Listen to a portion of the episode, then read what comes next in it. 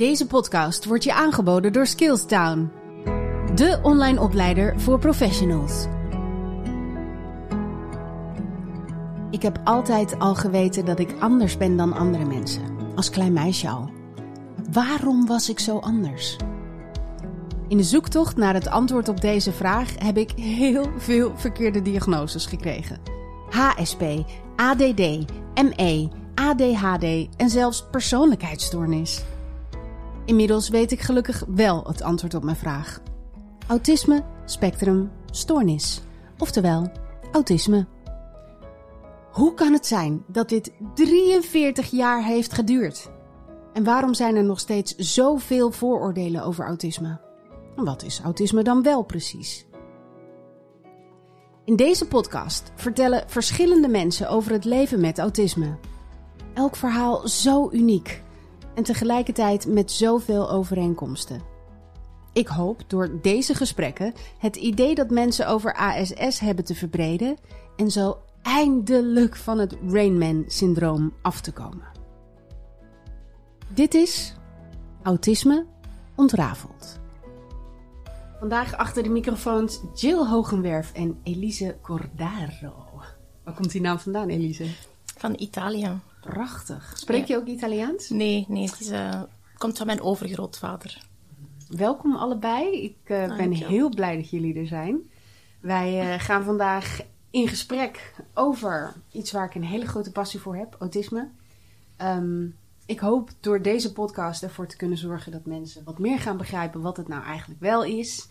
En vooral ook wat vooroordelen los gaan laten van wat het ook vooral niet is. En ik ben echt super blij dat jullie me daarmee uh, willen helpen. Ik volg jullie allebei op Instagram en ik weet dat jullie uh, allebei heel actief zijn en heel open zijn over jullie autisme. Uh, wat is de naam van jouw Instagram? Bij mij is het gewoon uh, mijn naam in één woord, Elise Cordaro. Elise Cordaro, ja. absoluut even volgen. En jij? Van mij gewoon Jill, laagstreepje hogerwerf. Ja. Jill, je bent opgegroeid in Nederland. Ja. En je woont nu uh, bijna twee jaar op Curaçao. Klopt. En ik las ergens dat jij zei dat je als klein meisje al een alien voelde. Ja. Kun je daar eens iets over vertellen? Nou, als ik gewoon denk aan de basisschool, dan zie ik mezelf echt zo in de deur staan en kijken naar iedereen van hoe weten jullie dit allemaal? Al vanaf de kleuterschool dacht ik echt van wat doe ik hier? Wat wordt van mij verwacht? Ik begrijp het niet. Mm. En dat is eigenlijk altijd zo gebleven. Middelbare school, dat iedereen vriendengroepen had en dingen deed. En ik dacht echt van, hoe weten jullie wat je moet doen? Ik begrijp die systemen niet. Ik, ik snap niet wat er sociaal van mij verwacht wordt. Ja, dus dat omschrijf ik altijd als een soort alien. Dat je gewoon, ja. iedereen weet wat hij moet doen. En ik sta aan de zijkant te kijken van, wat moet ik doen? Maar wel bijzonder dat je op zo'n jonge leeftijd je eigenlijk al heel erg bewust was van het feit dat je anders was. Ja, als ik daar nu aan denk, denk ik ook van... Zo vroeg wist ik eigenlijk al dat ik anders was. Maar ja, je weet natuurlijk niet waarom. Maar ik voelde wel altijd van, er is iets anders aan mij. Maar ik wist niet wat. Hoe was dat bij jou, Elise? Ja, ik heb ook altijd wel ergens het gevoel gehad dat, dat ik anders was. Maar ik heb dat nooit toegeschreven aan, aan iets dat... Ja, bijvoorbeeld een, ja, een diagnose of zo kon zijn. Ik dacht gewoon van, ik, ik moet gewoon harder mijn best doen om... Uh, om beter mee te kunnen met de rest. En vooral op sociaal vlak. Ja. Als, uh, allee, zo echt kleuterschool en zo viel er allemaal nog wel mee, omdat vriendschappen dan redelijk eenvoudig zijn. Dat is gewoon samen met, met blokken spelen of zo, en dat is het dan. Maar daarna begint dat wat complexer te worden. En, en zeker met meisjes die, die zeggen niet altijd wat ze bedoelen. Ja. Meestal niet eigenlijk. Oh. Ja. En je moet het dan maar, moet het dan maar weten. En, en Ja. ja, je begrijpt daar niks van. dus dus toen, toen begon dat wel. Ik heb ooit zoiets een... Um, ja, muziceerdagen gedaan, heette dat. En dat was zo met allemaal kinderen. En ik zat in het koor. Allee, iedereen was nieuw. Maar de, de meesten die kwamen zo met twee of met drie, die kenden elkaar al. En ik, ik had daar niet bij nagedacht. Die kwam gewoon alleen. Ik dacht, ik zal wel vriendjes maken, zoals iedereen. Maar dat was eigenlijk helemaal niet. Dus ik zat er dan zo alleen te eten. En iedereen was dan zo naar mij aan het kijken. Aan het kijken Oh. van, zie, zit die rare daar alleen zitten. Is tegen haar eigen aan het praten.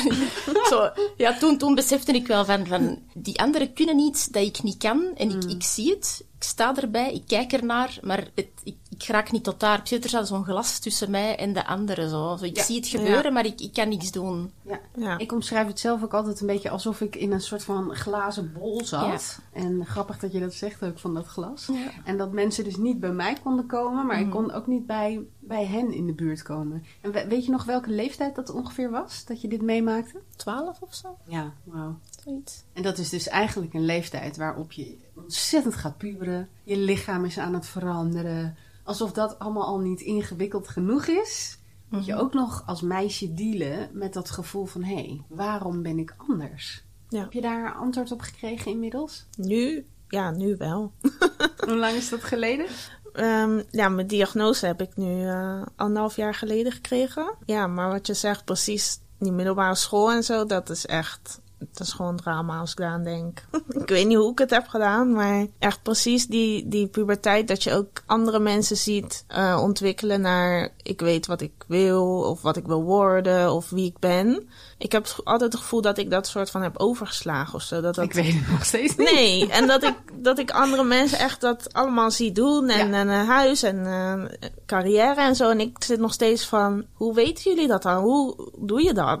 Ja. ik snap het nog steeds niet. Kun jij nog een beetje een leeftijd herinneren waarop je je echt heel bewust was van... niet alleen ik ben anders, maar dit zou wel eens iets kunnen betekenen. Dit zou wel eens een naam kunnen hebben. Ja, dat was meer denk ik toen ik HBO deed. Dus ik denk rond 22. Dat ik echt merkte aan mezelf dat ik een soort van, hoe noemen ze dat? Copingstrategie of zo. Mhm.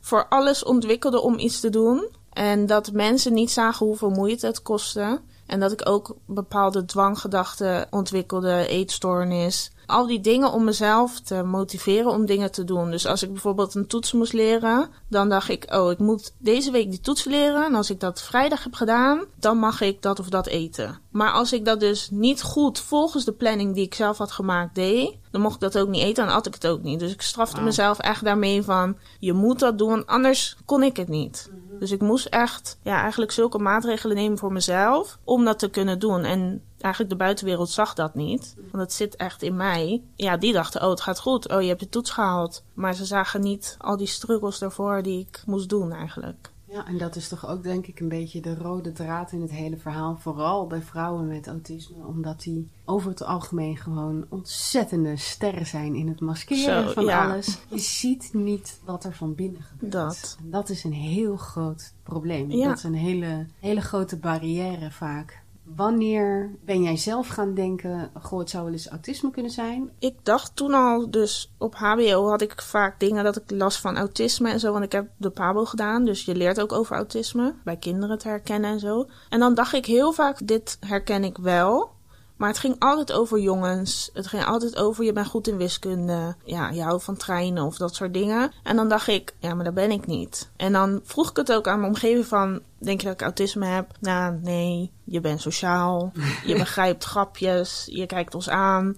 Dan dacht ik, nou ja, dan niet. Maar toen ik dus naar Curaçao ben verhuisd... Toen, ja, als ik er nu aan denk, hebben we het helemaal niet goed aangepakt. Maar alles ging een soort van last minute... En we kwamen daar en ik had natuurlijk mijn familie daar niet. Het huis was nog niet af. Dus alles was gewoon weg eigenlijk. Ja, toen stortte ik gewoon helemaal in. Toen dacht ik echt van, ik kan dit allemaal niet meer. Snap ik. Wat een verandering Ja, ook. eigenlijk echt helemaal niet goed aangepakt, maar ja. En toevallig, precies in die tijd, heb ik dat boek gelezen van Bianca. Van, eh, je, ziet er, ziet helemaal niet autistisch uit. Ja, zoiets. van Bianca Toets. Ja, nou, ik heb dat boek binnen één dag uitgelezen. Ik dacht echt van, hè, dit ben ik. En het was echt, ik heb gewoon niet kunnen slapen die dagen. Ik dacht, ik moet, ik moet dit weten. Het was echt een soort obsessie werd het gewoon. Ik ging alles lezen over autisme, vrouwen met autisme, helemaal Instagram, alles gelezen. Ja, precies toen was het ook met mijn werk helemaal slecht gegaan. En ik zei tegen mijn vrienden, ik moet, ik moet gewoon naar een psycholoog. Ik moet naar iemand toe en volgens mij heb ik dit. Ja. En ja, iedereen dacht wel van, hm, oké, volgens mij heb je gewoon een beetje, weet je, moeite met de verhuizing en zo. Maar ja, toen ging ik daarheen en toen dachten ze wel eerst van, nee, jij, jij hebt geen autisme. Want ik kwam daar gelijk van, volgens mij heb ik autisme. Heel goed. ja, maar zij dachten ook van, nou, we gaan het eerst even rustig bekijken, zeg maar. Mm. Maar voor mij, ik wist het eigenlijk al. Ja. Ik wist het gewoon. En jij, Elise, hoe is het bij jou gegaan met je diagnose? Bij mij, het is rond mijn negentiende zijn mijn ouders gescheiden. Ik merkte dat zo de manier waarop ik daarmee omging niet normaal was. Aan de oppervlakte deed mij dat helemaal niks. Maar ik voelde mij wel heel slecht en heel... Ik had heel sombere gedachten. En rationeel wist ik van, ah, dat zal waarschijnlijk daardoor komen. Ik kon dat gevoelsmatig niet linken met die scheiding. Ja. Dus, ik, dus ergens, ik wist het, maar en dan dacht ik van, hier klopt eigenlijk iets niet, dat is toch heel raar. En ik, ik kreeg ook wel een reactie van mijn mama, soms ook van, je, je zei precies, als ze mij erover aansprak of zo, die zei van, ja, uw gezicht versteent elke keer. En ik, ik besefte op dat moment dat dat zo ineens, dat, dat er zo'n muur kwam, maar ik, ik dat was zo... je dat bewust? Nee.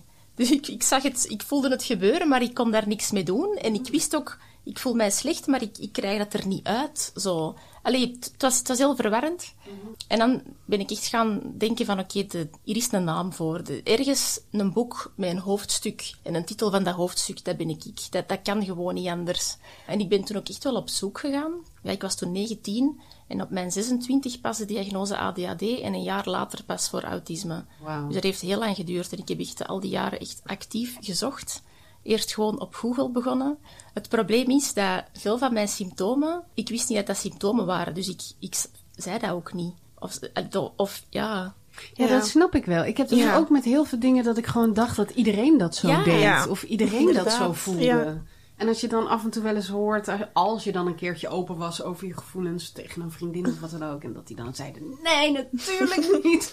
Hoe kom je daar nou bij? Dat ik echt dacht, oké, nee, ik ook niet. Eh, dat weet je wel. Ja. En ondertussen gewoon ineens die realisatie had van, dit is een symptoom. ja. En wat is er veranderd voor jou vanaf het moment dat je de diagnose kreeg? Er is een gigantische last van mijn schouders gevallen, een groot gevoel van opluchting. Want al die jaren zit je zo... Of je krijgt ook opmerkingen van mensen van, van "Allee, je moet een beetje meer zo doen en doe wat meer je best. En, Ja, en, oh, en vooral ook van mijzelf dacht ik van ja, allee, ik, ik moet gewoon flinker zijn en Ja. met wat meer aanpassen. En iedereen heeft daar waarschijnlijk wel moeite mee en, en moet gewoon harder doorzetten. En Oh, dan je ineens... zoveel druk op jezelf. hè? Ja, en ineens heb je zo een verklaring voor alles. En denk je van mij, ik ben helemaal niet degene die moeilijk doet. Ik ben eigenlijk tien keer veel meer moeite aan doen Ja. dan iemand anders. Ik ben eigenlijk veel flinker dan de rest, in plaats Ja. van omgekeerd. ook zo wat die kleine dingen, bijvoorbeeld, ik, ik lust niet veel. En zeker als kind is dat zoiets waar je altijd overal commentaar op krijgt. Als ik bij mijn grootouders was in Frankrijk, dan, en we zaten er aan tafel, het ging alleen maar daarover. Ah, en Elise lust niks, en zie, ze is weer haar eten uit elkaar onthalen en die dingen. En dan leest je van, hé, mensen met autisme kunnen niet goed tegen bepaalde texturen of smaken. En denk ik, ja, maar dat is het. Ik lust geen champignons door de textuur. Ja. Niet door de geur, niet door de smaak. Dat maakt me helemaal niet uit. Of appelsiensap, vers geperst, mm, lekker. Maar met die pulp erin, ik moet daar echt van... Ik, ik wallig daarvan. Ik vind dat degoutant. Ik krijg dat niet binnen, nog altijd niet. En iedereen altijd, ah, maar je moet niet zo belachelijk doen. Ja, maar er zitten stukjes in. En dan zei mijn mama, ja, snoep zijn ook stukjes. En dat lust je wel. Ja, ja. Zo die opmerkingen Ja. zo. Ja. En dan, ja, en dan, dan leesde zo dingen daarover en dacht ik van, maar zie, allee, het ligt helemaal niet aan mij. Precies. Maar ja, dat is ook precies de reden waarom ik denk dat het belangrijk is om, om dit soort dingen bespreekbaar te maken. Juist ook omdat kinderen dat niet kunnen. Ja. Weet je wel? Mijn, mijn zoon bijvoorbeeld, die ging echt kokhalzen van eh rijstepap.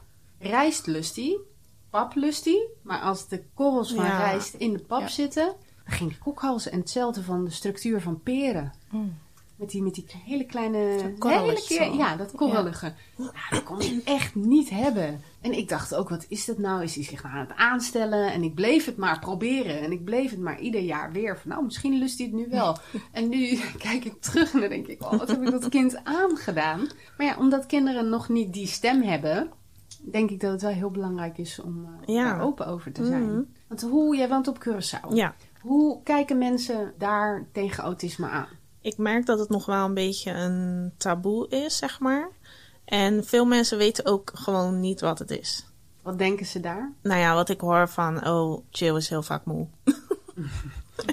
ja, That's it. ja. dus, maar daar laat ik het ook wel een beetje bij. Want dan denk ik, ja, ik vind het goed, denk maar dat ik moe ben. Want ik ga naar huis. En je bent ook moe. Ja, en ik ben ook moe.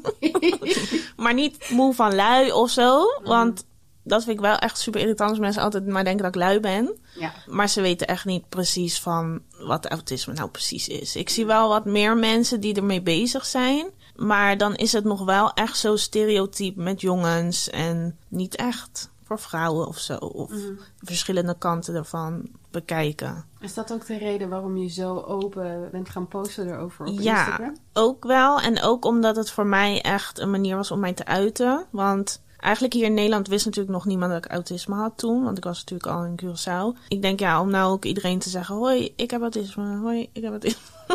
ik denk, nou, ik ga het gewoon gelijk op Instagram, dan weet iedereen het. Hoef ik ook niet die soort van awkward gesprekken aan te gaan met familie of zo. Ik denk, dan weet iedereen het. Als ze erover willen praten met mij, dan kunnen ze naar me toe komen. En anders niet, dan lezen ze daar. En dan lezen ze ook gewoon eindelijk hoe dingen voor mij zijn. En dan hoef ik dat ook niet de hele tijd uit te leggen, zeg Je maar. bent heel goed in het uitleggen. Nou, dank je. Ja, je bent heel helder in je gevoel uiten. En ik denk dat eh, heel veel mensen heel veel kunnen leren ook van, eh, van de Ja. dingen die je schrijft. Ik hoop het, ja. Ja, absoluut. Ben je in staat om te werken momenteel? Ja, ik heb gewoon gewerkt. Maar ik merk wel, ik kan niet echt fulltime werken. Dus echt gewoon wat ik in Nederland deed, gewoon van 8 tot 5, elke dag, dat, dat trek ik echt niet. Nee. Maar in Curaçao zijn de schooldagen van ehm 7 tot half 1. Dus dat heb ik wel gedaan, elke dag. Ik ga nu wel voor mezelf werken, maar ook geen hele dagen hoor. Dus nee, dat trek ik echt niet. Nee, nee, ik eigenlijk ook niet. Maar ja, je doet, je doet ook weer wat je moet doen ja, omdat dat van je verwacht wordt. Precies. En in mijn geval, ik heb een gezin. Ja. Dus weet je, je, je moet wel. Je en, moet het en doen. Dat is denk ik ook een hele belangrijke reden. Ik weet niet hoe jullie dat hebben ervaren. Maar ik heb op een gegeven moment door het jarenlange maskeren zonder te weten dat ik autisme had, een hele heftige autisme burn-out gehad. Ik kreeg toen weer een verkeerde diagnose. Dat was toen eh, ME. oh, Ehm, ik weet niet, in België noemen ze dat geloof ik CVS. Ah ja. Ehm, heb ik helemaal niet. Eh, want als je dat hebt, heb je dat voor life. En dan is het niet na drie jaar weer beter. nee. Maar ik heb drie jaar eigenlijk alleen maar op de bank gelegen. Ik was niet eens meer in staat om ja, te douchen zelf. Had ik gewoon hulp bij nodig. Omdat ik mijn lichaam compleet gesloopt heb. Met het conformeren aan wat andere Ja. mensen van mij verwachten. En als ik daarover nadenk, dan denk ik... Ik ben drie jaar van mijn leven kwijt Ja, omdat mensen in de hulpverlening mij niet de juiste hulp hebben dat is geboden. toch erg. Eigenlijk ja. is dat heel schrijnend. Mhm. Ben jij in staat om te werken op het moment, Elise? Ehm, in staat, ik, ik doe het. Ja. Ik zal het zo zeggen. Ja. Ik, heb, eh, ik heb zes jaar voltijds gewerkt. Ik werk in Brussel. Dus elke dag pendelen van Antwerpen naar Brussel. Dus elke doe dag eh, drie, jaar onder, eh, drie, jaar, drie uur onderweg. Oh, ik doe wauw. eh, online marketing. Ja, en sinds anderhalf jaar werk ik vier vijfde. Wat eigenlijk nog altijd te veel is, maar je moet ook een beetje financiële afweging Ja. maken Ja, natuurlijk. precies. Dat is het ding. Want je, je, Ja. je, je kan niet zomaar zeggen, het gaat niet. Dus ik Ja, eh, ga ga terug maar twee naar twee dagen ja. dat gaat gewoon Nee. niet. Helaas. Ja. Hey, en nog een vraag. Wat zijn, eh, eh, Jill, van jou de dingen die jou in je dagelijks leven het meeste beperken wat betreft autisme? Mm, ja, ik merk gewoon altijd die, die prikkels. Dat is bij mij het meeste waar ik het meest last van heb, zijn overprikkeling en emoties. En ja, dat soort dingen, daar kan ik echt niet eh, altijd goed mee omgaan. En ook dat ik, ehm, om het te zien, om te leren kennen, zeg maar, van jezelf, wanneer, ehm, wat mijn psycholoog dan zegt, kom je in het rood.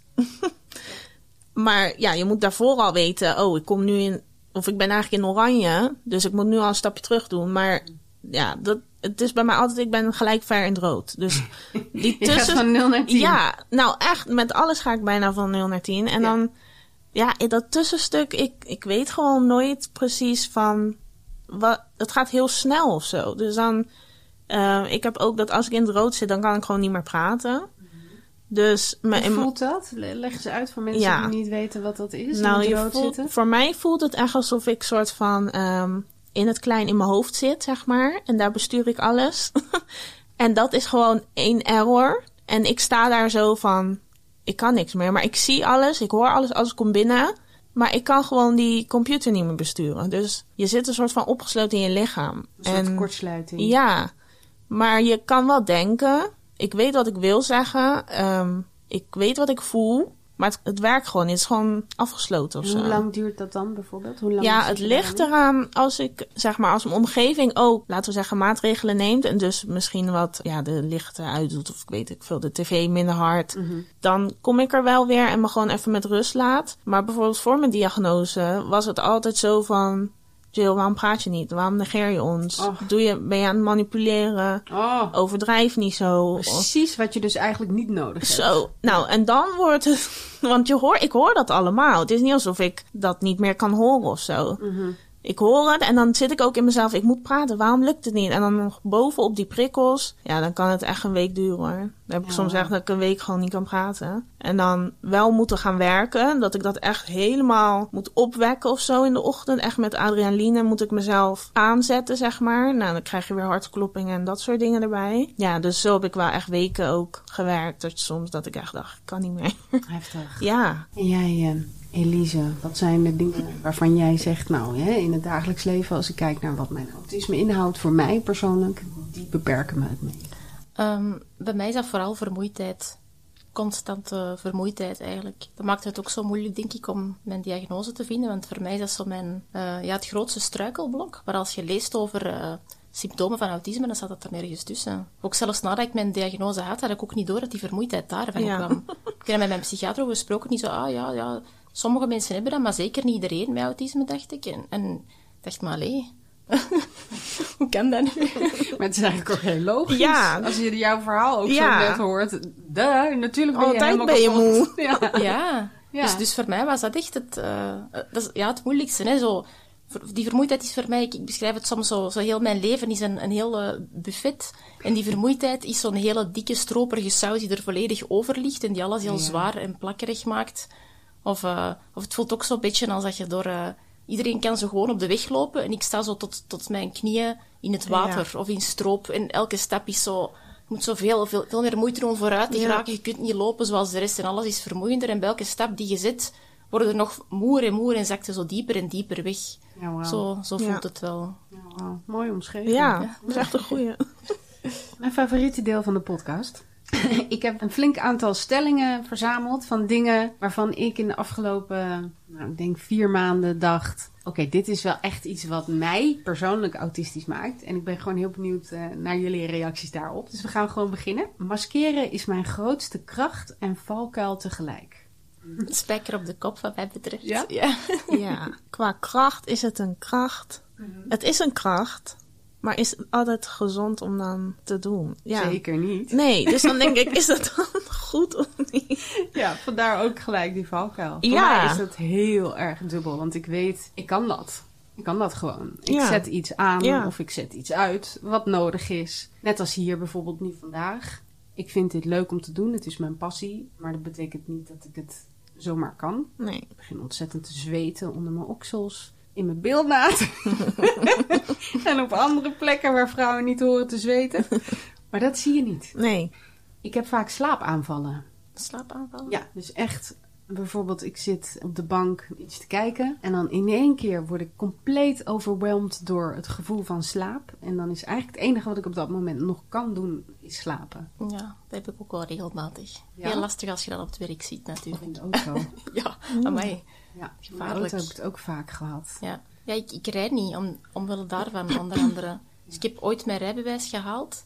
En ik heb sindsdien eigenlijk bijna niet meer achter het stuur gezeten. Ik had toen ook nog geen diagnoses. Maar eh, zo- zo'n eh, een, een rijles, de rijschool, dat is zo twee uur aan een stuk. En ja, voor normale mensen is dat misschien oké. En eh, voor mij was dat ja, als ik een, een rijles had, dat was toen in de, in de grote vakantie, ik zat nog op school. De uren daarvoor deed ik niks en de rest van de dag ook niet. Dus als ik twee uur rijschool had, dat was al die volledige dag voor mij bezet. Ja. Dus de uren daarvoor zat ik dan zo zenuwachtig te zijn, nog wat druivensuiker en vooral niks drinken, want dan moet ik pipi gaan doen en heel Oh, zenuwachtig ja. mij proberen focussen. Dan twee uur in de auto zitten met een vreselijk antipathieke mens. Ja. Ja, van, allee, kun je rijden niet? Is dat toch niet zo moeilijk? En Zo. met lichaamsgeur in zo'n kleine ruimte. En dan bij, bij zo'n twee uur concentreren, dat ging niet. Ik kan echt niet, ik heb echt geen acht paar ogen op mijn hoofd staan om alles tegelijkertijd te zien. Dan waren ze door Antwerpen aan het rijden en dan zo, ja, daar de tram. En ik, ik zag aan de overkant zo iemand, mijn hondje, dacht, "Ah, dat is een grappig Ja. hondje. Ding, ding, ding, en tram voorbij. dacht, oh. en toen besefte ik ook van, het, het lukt mij gewoon niet. Ja. Ik, ik kan niet alles zien, ik kan me niet concentreren. En na een kwartier voel ik dat mijn energieniveau zo drastisch naar beneden aan het gaan is. En ik krijg het niet naar boven. Ik kan dat niet bewust oppeppen of zo. Het is gewoon weg. Het is echt een lege begon ik, ja, begon ik te beseffen van, ja, maar ik, dit is gewoon gevaarlijk. Ik kan deze niet, maar leg dat maar eens uit, hè. Mensen zeggen, allee, hè, je bent eh, 33 en je mama moet je nog overal naartoe brengen. Kun je niet gewoon met een auto rijden? Ik, ja, als je dood wilt, dan zal ik... eh Allee, nee, maar dat is, dat is lastig, want mensen denken dan dat je zo... het. Eh, Ja. Ja, als de kleuter uithangt omdat je niet, eh, niet wilt autorijden. Maar zeg je Ja. dan, ik heb autisme, ik kan het niet? Ja, ik probeer het dan zo wel eens uit te leggen. Maar er zijn ook heel veel mensen met autisme die heel goed kunnen autorijden. Ja. Dus even voor een kleine disclaimer. Het is niet omdat je autisme hebt dat je niet kunt rijden. Ik ken heel veel mensen met autisme die dat supergoed kunnen. En die, die niet liever doen. En die dat, allee, voor wie dat heel gemakkelijk gaat. Maar Ja. voor, voor mij nu juist niet. Misschien ook de combinatie met mijn ADHD of zo. En ook de combinatie met het feit dat het mij helemaal niet interesseert. Het zal er misschien ook een klein beetje mee te maken hebben. Maar eh, Ik ben chronisch overprikkeld. Ja. Duidelijk. Ja. Ja. Ja. Alle zintuigen, Al- eh, alles. eh, geur. Ja, alles. Gewoon eh, mijn eigen, mijn eigen hersens overprikken me al gewoon. Mijn emotie, mijn gedachten. Ja, en ik weet ook niet, laatst... Ik merk zeg maar ook altijd dat mijn stressniveau heel hoog is. Gewoon de hele dag. Dat zeg ik ook altijd tegen iedereen. Maar dan denken ze, ja, het zal wel. Moet gewoon niet zo stressen. Maar ja, dat helpt niet. Maar toen laatst ging ik ook naar de huisarts voor heel iets anders. En hij ging even mijn bloeddruk meten. En weet ik veel, hartslag en zo. En dat ding begon te piepen. En hij zei ook van, ben je zenuwachtig? Ik zeg, nee. Ik zeg, ik ben gewoon normaal. Oh, maar het is wel een beetje hoog. Ik zeg, ja, maar dat heb ik altijd. Dat zeg ik altijd. Zegt hij, oh nee, dat is niet zo goed. Dus toen dacht ik, nou, zie je, ik zeg altijd dat mijn hartslag is echt... Ik voel het altijd ook echt veel te hoog. En mijn stress en door al die prikkels. Ja, dat hij dat dan zegt, dan denk ik, zie je. En dan gelooft iedereen het wel. Van, oh ja. Frustreert dat je, dat mensen vaak denken dat je je aanstelt? Ja, daar word ik echt gek van. Dat ze me gewoon niet geloven. Als ik zeg, ik vind het moeilijk of ik kan dit niet. Of dan, ja, eh, probeer het gewoon, weet je, stel je niet zo aan. Dat heb ik heel vaak gehoord. Stel je niet zo aan, doe niet zo overdreven.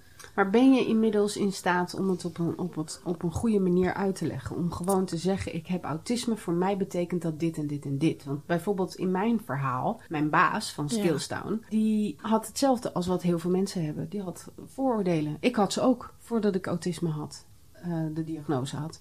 En hij zei tegen mij, joh, door jou ben ik anders gaan kijken naar Ja. mijn nichtje. Puur omdat je verteld hebt, dit is wat ik voel, dit is wat het voor mij betekent. Maar voor andere mensen kan het weer dat betekenen. Ja. Ben je in staat om het goed uit te leggen? Nou ja, goed uitleggen weet ik niet. Want vaak ben ik ook al dan in die overprikkeling. Dus bijvoorbeeld als ik honger heb, dan... Ik moet gewoon gelijk eten. Anders, ja, ik, daar raak ik echt van overprikkeld gewoon. Dan kan ik ook helemaal in die shutdown gaan. Nu kan niks meer.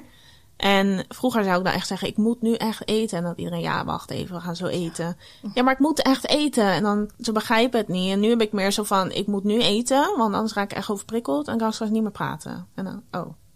Ja, maar dat is duidelijk, toch? Ja, Ja. Ik weet niet of ze het dan echt begrijpen, maar het is wel zo van, ik ga niet meer met hun mee in hun dingen. Ik blijf dan wel zo van, nou, dan gaan jullie, ik ga nu eten, zeg Blijf maar. bij jezelf. Ja. niet meer in discussie gaan en gewoon Ja. assertief zijn en zeggen van ik ga nu Ik dit ga doen, dat ik heb nu dat doen. nodig en ik doe dat gewoon. Precies. En Geen toelating vragen of zo. Nee, Maar gek eigenlijk, hè, dat we toch als vrouwen de neiging hebben om, om ons dan toch een beetje... Ik vind onderdanig een lelijk woord, maar zo'n beetje... Sociaal wenselijk. Ja. zo. En dat je dan maar denkt, oh, nou zeg ik het maar niet. Want Ja. ik wil niet moeilijk doen. En dan Ja. denken ze misschien dit of dat of dat. Nou, ik kan je vertellen, ik doe dat niet meer. nee. Ja. Ik moest daar wel 40 jaar voor worden. ik wil je niet ontmoedigen, Jill. Ehm, voordat ik dat kon. Ik ben inmiddels 44. Maar ja, het is zo belangrijk. Dat Ja. doe je goed op deze leeftijd al. Ja, het komt wel door mijn diagnose hoor, dat ik dat Ja. dan... Dat helpt. Ja. Mij ook. De volgende. Mij niet bellen. Ik wacht tot de telefoon stopt met bellen. En dan app ik. Ja. Sowieso. Absoluut. Ik heb echt al ontelbaar van veel Instagram Ik posts moest ook gelijk aan jouw post denken. Zo het, het soort post, ik denk dat, de- dat ik daar het meest voor bekend sta. Zo mijn telefoon haat. Want wat gebeurt er met je als jij ziet dat je gebeld wordt? Ja, zo'n adrenaline stoot die eerst door mijn lijf raast. Ja. Zweten, hyperventileren. Ja, ik moet zeggen, met ouder te worden, het, het begint een beetje te beteren. Een heel klein beetje. Ja?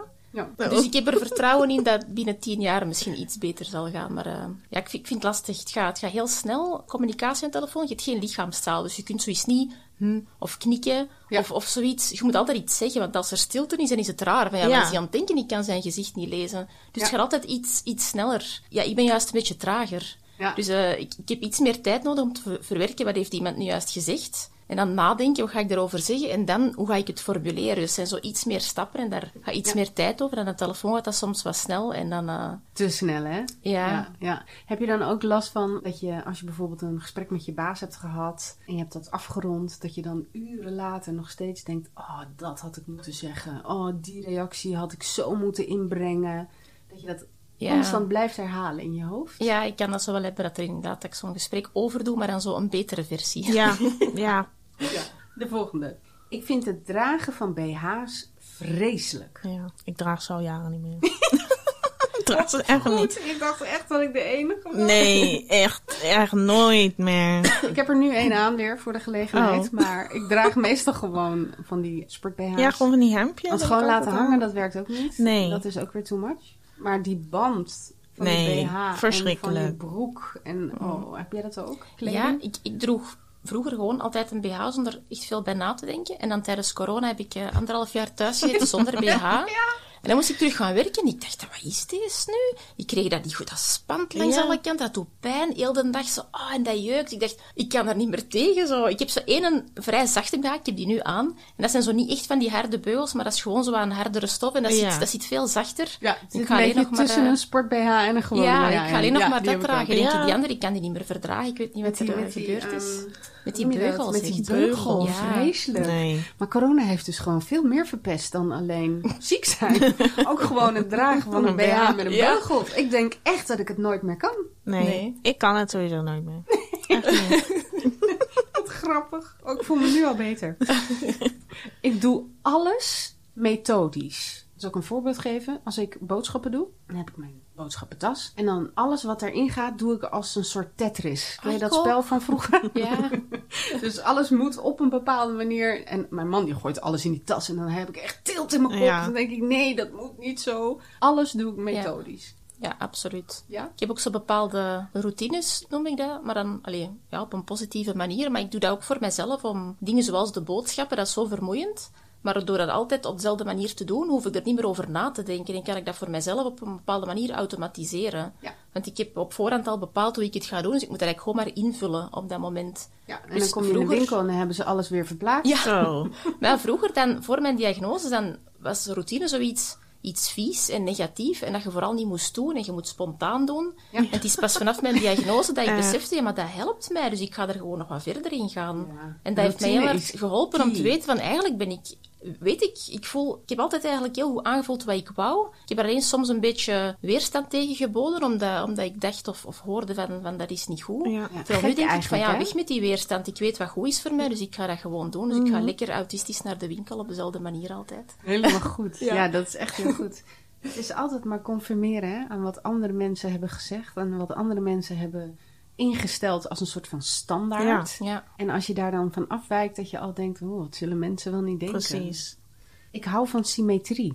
Als ik bijvoorbeeld een kaarsje koop, ik ga naar de Zenos en ik koop een kaarsje, dan moet ik er altijd twee hebben. Mm. Drie niet, want dat is gek. Nee, ik ben juist van de drie. Oh ja? Drie, vijf en acht. Dat is ook een soort symmetrie dan. Dan wel. Maar moet je dan ook acht kaarsen in dezelfde kleur hebben? Nee, of dan het niet drie. zo ver? Oké. Drie bijvoorbeeld. Ja. Ik, als ik iets kan doen met drie, dan doe ik altijd drie. En dan, als dat niet lukt, dan wordt het vijf. En acht is echt gewoon extreem. Ja. als iemand anders er doorheen komt of zo, dan denk ik, oh, nu moet ik er acht van maken. Dan, Oh, Dus je hebt wel een ding met cijfers. ja. Dat en ben je goed in, in, in rekenen? Nee, dat helemaal niet. Nee, dus het is echt puur eh, het... het, Ik het- voel iets bij het cijfers Ja. of zo. Dus dan drie, vijf en acht voel ik me goed. Vier vind ik echt... Uh. Daar word ik echt misselijk van. Ja. Dus ook met mijn kenteken en zo. En dan denk ik van... Als er maar geen vier in zit. ik Gelukkig niet. 270. Is die oké? Nee. Ja. Als er een drie of een vijf of een acht was, het beter. En jij? Heb jij ook Ehm, wat met eh, symmetrie? Nee, niet echt, denk ik. Nee, ja, ik heb wel iets met, met cijfers, dat cijfers voor mij een bepaalde persoonlijkheid en kleur hebben. En Ja. dat sommige cijfers, maar ook letters, zo'n M is bijvoorbeeld zo mooi, rond, vrouwelijk, Ja, ja. zacht. Ja. Ja. En een, een 7 is, is paars en een beetje mysterieus. En een, een 4 is, is oranje en citrus en een beetje zuur. Oh ja. Zo, zo die dingen. Zure vier. Ik hou niet Dus ook jullie niet van zitten op één vier. lijn. Ja. Ja. Maar wat jij zegt, dat heb, precies heb ik ook met dagen. Ik weet niet of jullie dat ook hebben. Heb je dat ook? Ja. Zeg maar, donderdag vind ik gewoon een fijne dag. En bijvoorbeeld maandag vind ik zo... Niet omdat dat de eerste dag van de week is, maar dat is gewoon een, een rare dag. Zo. Mhm. Dat, de kleur en de... het gevoel wat je daarbij hebt. Ja, dat heb ik ook echt met heet dat dagen. denk ik, hè, dat je zintuigen in elkaar overlopen. Oh ja? Ja, er Oh. zijn mensen die bijvoorbeeld bepaalde muziek kunnen ruiken of dat ja, soort dingen. dat soort dingen, ja. Ja. Oh nee, dat heb Ja. Ja. Ik ben een echte kluizenaar. Ik weet niet of dat... Ik heb nog gegoogeld of, of kluizenaar ook in het Belgisch kluizenaar is. Ik Ja. kon niks vinden. Maar, ja, ehm, ik, ik- ja. ja, ik ben gewoon het liefste thuis. Ik ook. En dan met alle gordijnen dicht. Wij staan in onze buurt bekend als de mensen die altijd alles dicht hebben zitten. Omdat ik dan lekker in mijn eigen holletje, lekker veilig. Ja. Dan voel ik me toch het best. Ja, ik Ik noem ook. mezelf een huismus. Ik vind dat zo Ah, iets, ja. iets beter klinken dan kluizenaar. Ja, kluizenaar is een beetje zo'n oude gek waar je zo... Hé, hey, pas op wat je zegt, hè? Een oude gek hieruit gemaakt. Ja, nee, dan stel ik me zo iemand voor die Ja. in een hutje in een bos woont en die al zeven jaar geen mensen meer heeft gezien. Ja, zo. ja, zo'n soort heks. Ja. En jij? Ja, als je mij gewoon, zeg maar, mijn eigen ding laat doen, dan ben ik het liefst altijd thuis. Ja. Het is dat sommige mensen soms zeggen van, Jill, je moet nu wel even naar buiten. En hoe zit het dan met sociale situaties? Heb je, heb je veel vrienden en, en kom Nou je ja, daar vaak? veel. Nou, ik heb hier heb ik drie vriendinnen, maar ja, die zie ik natuurlijk niet vaak omdat ik in Curaçao woon.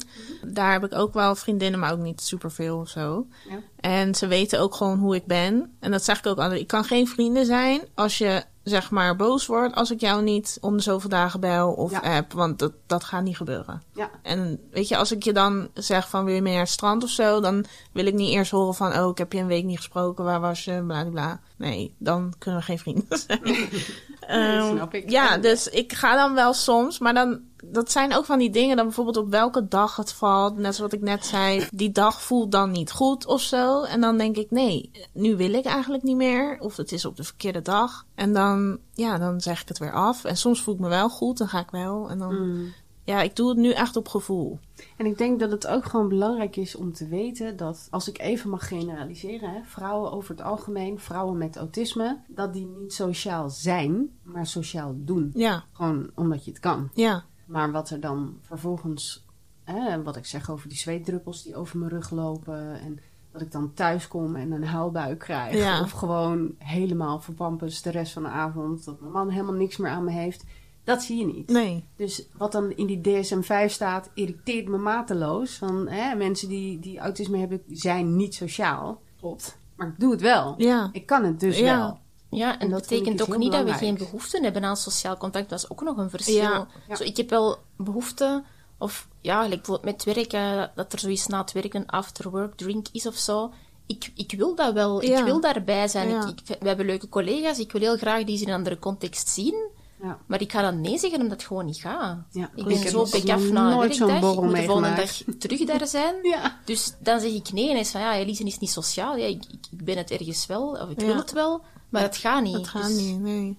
Ja. Ja, vervelend als je dat dan ook moet uitleggen. Deze sluit daar een beetje bij aan. Een dag werken kost minder energie dan een verjaardag. Ja, dagwerk is ook zo bepaalde structuur in, altijd hetzelfde. En kunt dat, allee, ik, ik heb redelijk veel vrijheid op het werk om mijn eigen planning te maken, om te bepalen wat ik wanneer doe. Maar een verjaardag is veel ongestructureerder, chaotischer. Doen jullie dat volk. ook trouwens in België? Dat je dan een verjaardag hebt en dan kom je binnen en dan zit iedereen in een kring. En dan ga je in een kring naar elkaar kijken en met elkaar praten. En het is zo ongekend awkward. En dan komt er een schaaltje met, met stukjes kaas voorbij. En dan gaat dat zo rond. Ja, Moet er nog iemand doen jullie dat ook? Moet iemand het laatste hebben? Ja. Ja, maar ik moet dat... Nee, nee, nee. Dan blijft dat zo, dat één stukje daar zo Ja. nog een halve dag liggen. En dan zit je net een beetje op je gemak naast degene naast wie je zit. En dan komt er iemand, ah, laat mij even daar zitten. En dan ga Ja. jij even daar zitten en dan moet je weer helemaal opnieuw beginnen. Ja. Oh, Ja, zo, je hebt zo zojuist jullie fort geïnstalleerd met je handtas Ja. hier, dat daar Ja. niemand kan en daar. En dan Ja. moet je dat helemaal opnieuw gaan opbouwen, maar die zien dat natuurlijk niet. Of dat, je is dan ook in die kring zit, zeg maar. En dan naast jou zitten zo twee mensen te praten en daar Ja. ook. En dan zit jij zo die hele kring te kijken van, wat doe ik? Heel herkenbaar. Maar dat is op Ja. Curaçao anders. Ja, Daar zit je niet in een kring. nee. En er komt ook geen En dat vind ik ook wel heftig hoor. Ja. Soms, want dan heb je die muziek en iedereen praat best wel hard. En Mhm. kinderen en... Dansen. Oh, en nee. Ik word heel erg boos van mensen die in mijn buurt smakken of chipszakken kraken. Het valt bij mij mee. Ik weet dat veel mensen er last van hebben. Het, het, het, het gaat nog. Mhm. En bij jou? Ja. valt ook mee. En ik ga nu iets over mijn vader zeggen, dus als hij dit hoort. Sorry papa. Dat smakken en zo, dat gaat wel. Maar bijvoorbeeld mijn vader eet elke ochtend zeg maar yoghurt in een bakje. En dan doet hij het tot het laatste zo met zijn lepel. Zo tik, tik, tik, tik, tik. En dan word ik helemaal gek. En toen Ja. ik nog thuis woonde in de ochtend, dan begon mijn dag daarmee. En dan dacht ik al van, ik moet nu iets door het raam gooien. en dan moest ik nog... maken. Ja, en dan moest ik nog werken. Ja, oh. Nee, dat kon ik echt niet tegen. Dus jullie hebben geen misofonie. Dat niet echt. Nee. Oh ja, dit is ook een leuke. Ik kopieerde als klein meisje gedrag uit mijn favoriete films en series. Omdat ik zelf geen idee had hoe ik me moest gedragen. Ja. Ja. Ja, jullie allebei. ja. Weet je nog welke films of series je dan Het kopieerde? verschilde altijd. Het was net dat ik dan die serie keek of dat boek las. Of dan, dan weet ik nog dat ik een boek had gelezen en dan zat ik in de bus of zo. En dan dacht ik, oh ja, ik ben nu net als haar. Wat Ja. zou zij nu doen? Ja. Oh ja, oh dan ga ik dat ook zo. Echt Ja. zo. Ja. En Dat is jij? juist hetzelfde eigenlijk. Of als ik zojuist eh, een film had gezien in Ja. de bioscoop en zo. En dan heel de wereld rondom mij was zo dan de wereld uit die film zo. Ja, En, en, en- dan leeft hij ook in die wereld. Ja, en dat bleef ik echt in hangen. Maar ergens ook wel leuk, omdat je zo lang kunt nagenieten. Ja. Maar hebben Ja. jullie dan ook dat je bepaalde films die je echt heel mooi vindt, dat je die wel honderd keer kan Ja, zien? Absoluut. Ja. Ja, ik, ehm, ik kende mijn tekenfilms van buiten. Ja. Ik kon die letterlijk helemaal zeggen, maar ook de verhaaltjes die mijn ouders voorlazen. Ja. Dus ik, was, allee, ik kon nog niet lezen, ik was heel klein, ik zat op de wc. En ik dacht, ik ga zoals mijn papa doen en dan doen alsof ik een boek lees. En ik was dus luidop dat verhaal aan het vertellen. En mijn vader kwam zo binnen en zei, je kunt toch niet lezen? Ik zeg, nee, maar ik ken dat van buiten. Ja, mooi. mooi. Toch iets met het geheugen, hè? Ja. Ja. Ja, mooi. De laatste stelling. Ik laat alles uit mijn handen vallen. Maar aan de andere kant heb ik een reactievermogen waar menig keeper jaloers op zou zijn. Dus dat is heel dubbel. Aan de ene kant alles wat ik vastpak. Of ik nou de was aan het ophangen ben. Of een flesje water pak. Alles valt eerst op de grond. Maar als ik bijvoorbeeld iets van, eh, van de tafel gooi, dan kan ik het heel snel vangen. ja, dat herken ik wel. Ja. Dat heb ik ook. Of bijvoorbeeld als iemand onverwachts een bal gooit. Ja. Dat je hem in één keer vangt zo. Ja. Ja. Dat- Zelfs met links. Dat Ja. mensen echt kijken van... En dat je "Hé, zelf ook schrikt correct." van... Ja, Deze, dit had ik niet eens over nagedacht. Maar mijn hand ja. schiet Een gewoon omhoog. enorm snel reactievermogen. Ja. Ja. wat grappig. Hey, ik laat niet gemakkelijk dingen vallen. Je bent niet lomp. Een heel stabiele grip en zo. Of Ik, ik val niet veel, dus... Oh, heerlijk lijkt als, ik dat... Ja, als ik zo, ja, mijn mama is bijvoorbeeld zo wel nogal onhandig. En die kon, dat kon mij vroeger echt irriteren. Zo. Echt overal waar die kwam. Ik, en vooral ook omdat ik zie die aankomen en ik weet op voorhand wat er op haar weg Oh gaat vallen. ja. En dan gebeurt dat en denk ik van, maar ziet je dat nu niet? Oh, dan zou je je mateloos irriteren als wij een dagje met elkaar op stap zouden gaan. Want ik val zoveel. Vraagje, Elise. Hoe zeg je in het Belgisch, of in het Vlaams is dat, hè? Hoe zeg je eh, hoeslaken? Dus dat, het, hetgene wat je over je matras eh, hebt. Overtrek? Overtrek. Ho hoeslaken zeg je ook wel, maar Oké. de overtrek. Oké. Ja. ik heb ergens deze stelling voorbij zien komen. Ik weet niet meer bij wie of waar. Dus credits voor degene die hem ooit heeft gepost. Ik heb hem een klein beetje aangepast, maar ik vond hem zo grappig. Volwassen zijn in de huidige maatschappij met autisme voelt zo ongeveer hetzelfde als het opvouwen van een hoeslaken. Ja. Ja. Het is zo ingewikkeld. Ja. Ik heb nog nooit in mijn leven een hoeslaken opgevouwen dat ik dacht, ah, hier ben ik blij Nee. mee. Ik, ik doe het ben ik niet tevreden. Ik gooi het gewoon in dat ding. ik begin er niet meer aan. En er zijn mensen die dat heel goed kunnen. Ja. Ja, ik vouw het zo op, maar het ziet er elke keer anders uit. Van, Ja. nee, heb ik dat vorige keer niet gedaan? Net als het En dan zo ene keer raak het in de kast en dan zo de volgende keer niet meer. En dan denk ik, hè?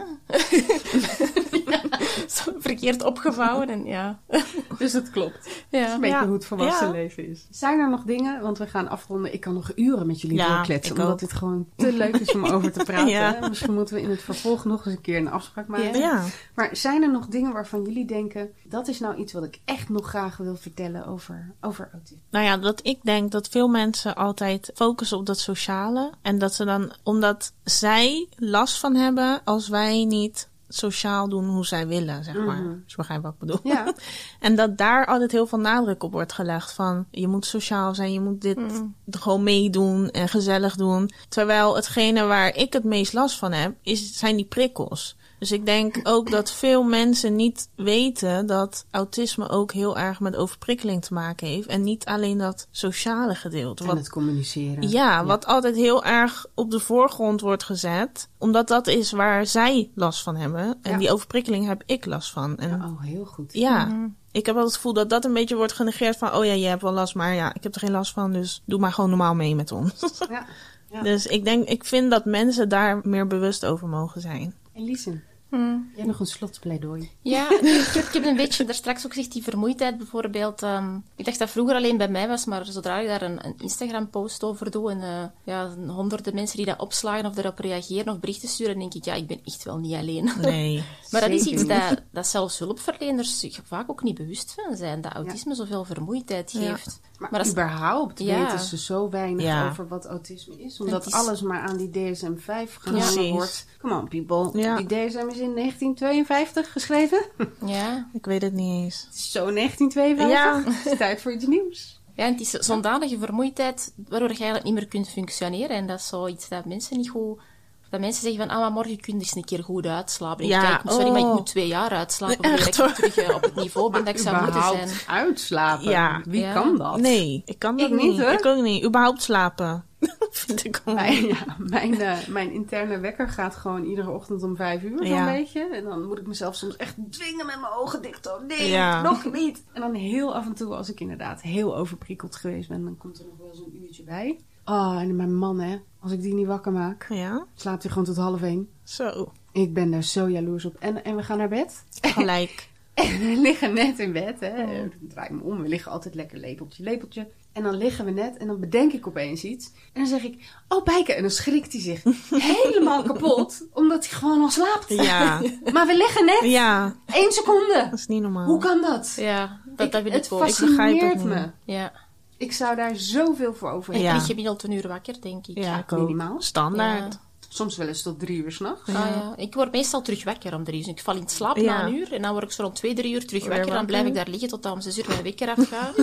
En dan zo tegen, tegen elf uur denk ik, ah, nu ben ik klaar om te gaan slapen. Maar dan is het elf uur s morgens en dan moet ik natuurlijk Ja. ja. de dag werken. denk ik, ja, goed hoor. Oh, vreselijk. Ja. Nou, nou, dames, in ieder geval heel erg bedankt voor jullie bijdrage. Graag gedaan. Ik, ik Graag denk gedaan. dat het vooral belangrijk is om constant maar een soort van ehm, ja, role models te hebben. Van vooral ook vrouwen met autisme.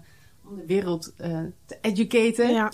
wat het allemaal inhoudt. En vooral je eigen persoonlijke verhaal te delen. Zoals jullie, als ik al zei, op Instagram heel erg doen. Ik denk dat dat heel waardevol is. Ja. Ik heb nog twee pro-tips voor de luisteraars. We kijken niet boos. We zijn niet altijd zagrijnig. Soms zijn de prikkels op een dag gewoon even te veel geweest. En een opmerking als: Wat kijk je boos? is niet leuk en misplaatst. Stop daarmee. Ja. Resting bitch face. Ja. Hoe vaak ik die niet heb gehoord. Zo. Ik ben gewoon moe. Laat me met rust. Ja, dat. Als ik je vertel dat ik autisme heb, vraag dan wat dit voor mij persoonlijk betekent. Ieder persoon is immers anders. En vragen is altijd beter dan onzinnige aannames doen. Als Ja. mensen toch vragen gingen stellen. Precies. Wat betekent het voor jou? Oh, je hebt autisme. Interessant. Ja. Ik weet daar niks van. van. Vertel er eens wat over. In plaats van te denken dat je Rainman moet zijn. Ja. Amen. Ja. Maar of niet? Ja. Zeker. Hey meiden, heel erg bedankt. Bedankt voor het luisteren. En mochten jullie nog vragen hebben over autisme, dan kun je altijd even mailen naar sonja.silva.skillstown.com of naar Celine van Autismekracht. Ook een heel fijn eh, Instagram-account hè, om te volgen. Volgende week is er weer een nieuwe aflevering. En ik hoop dat je dan weer luistert om nog meer leuke verhalen te horen. Want het is natuurlijk niet allemaal kommer en kwel als je autisme hebt. Dan gaan we het ook weer hebben over dingen die beperken, maar ook zeker over superpowers. Tot dan en dankjewel voor het luisteren.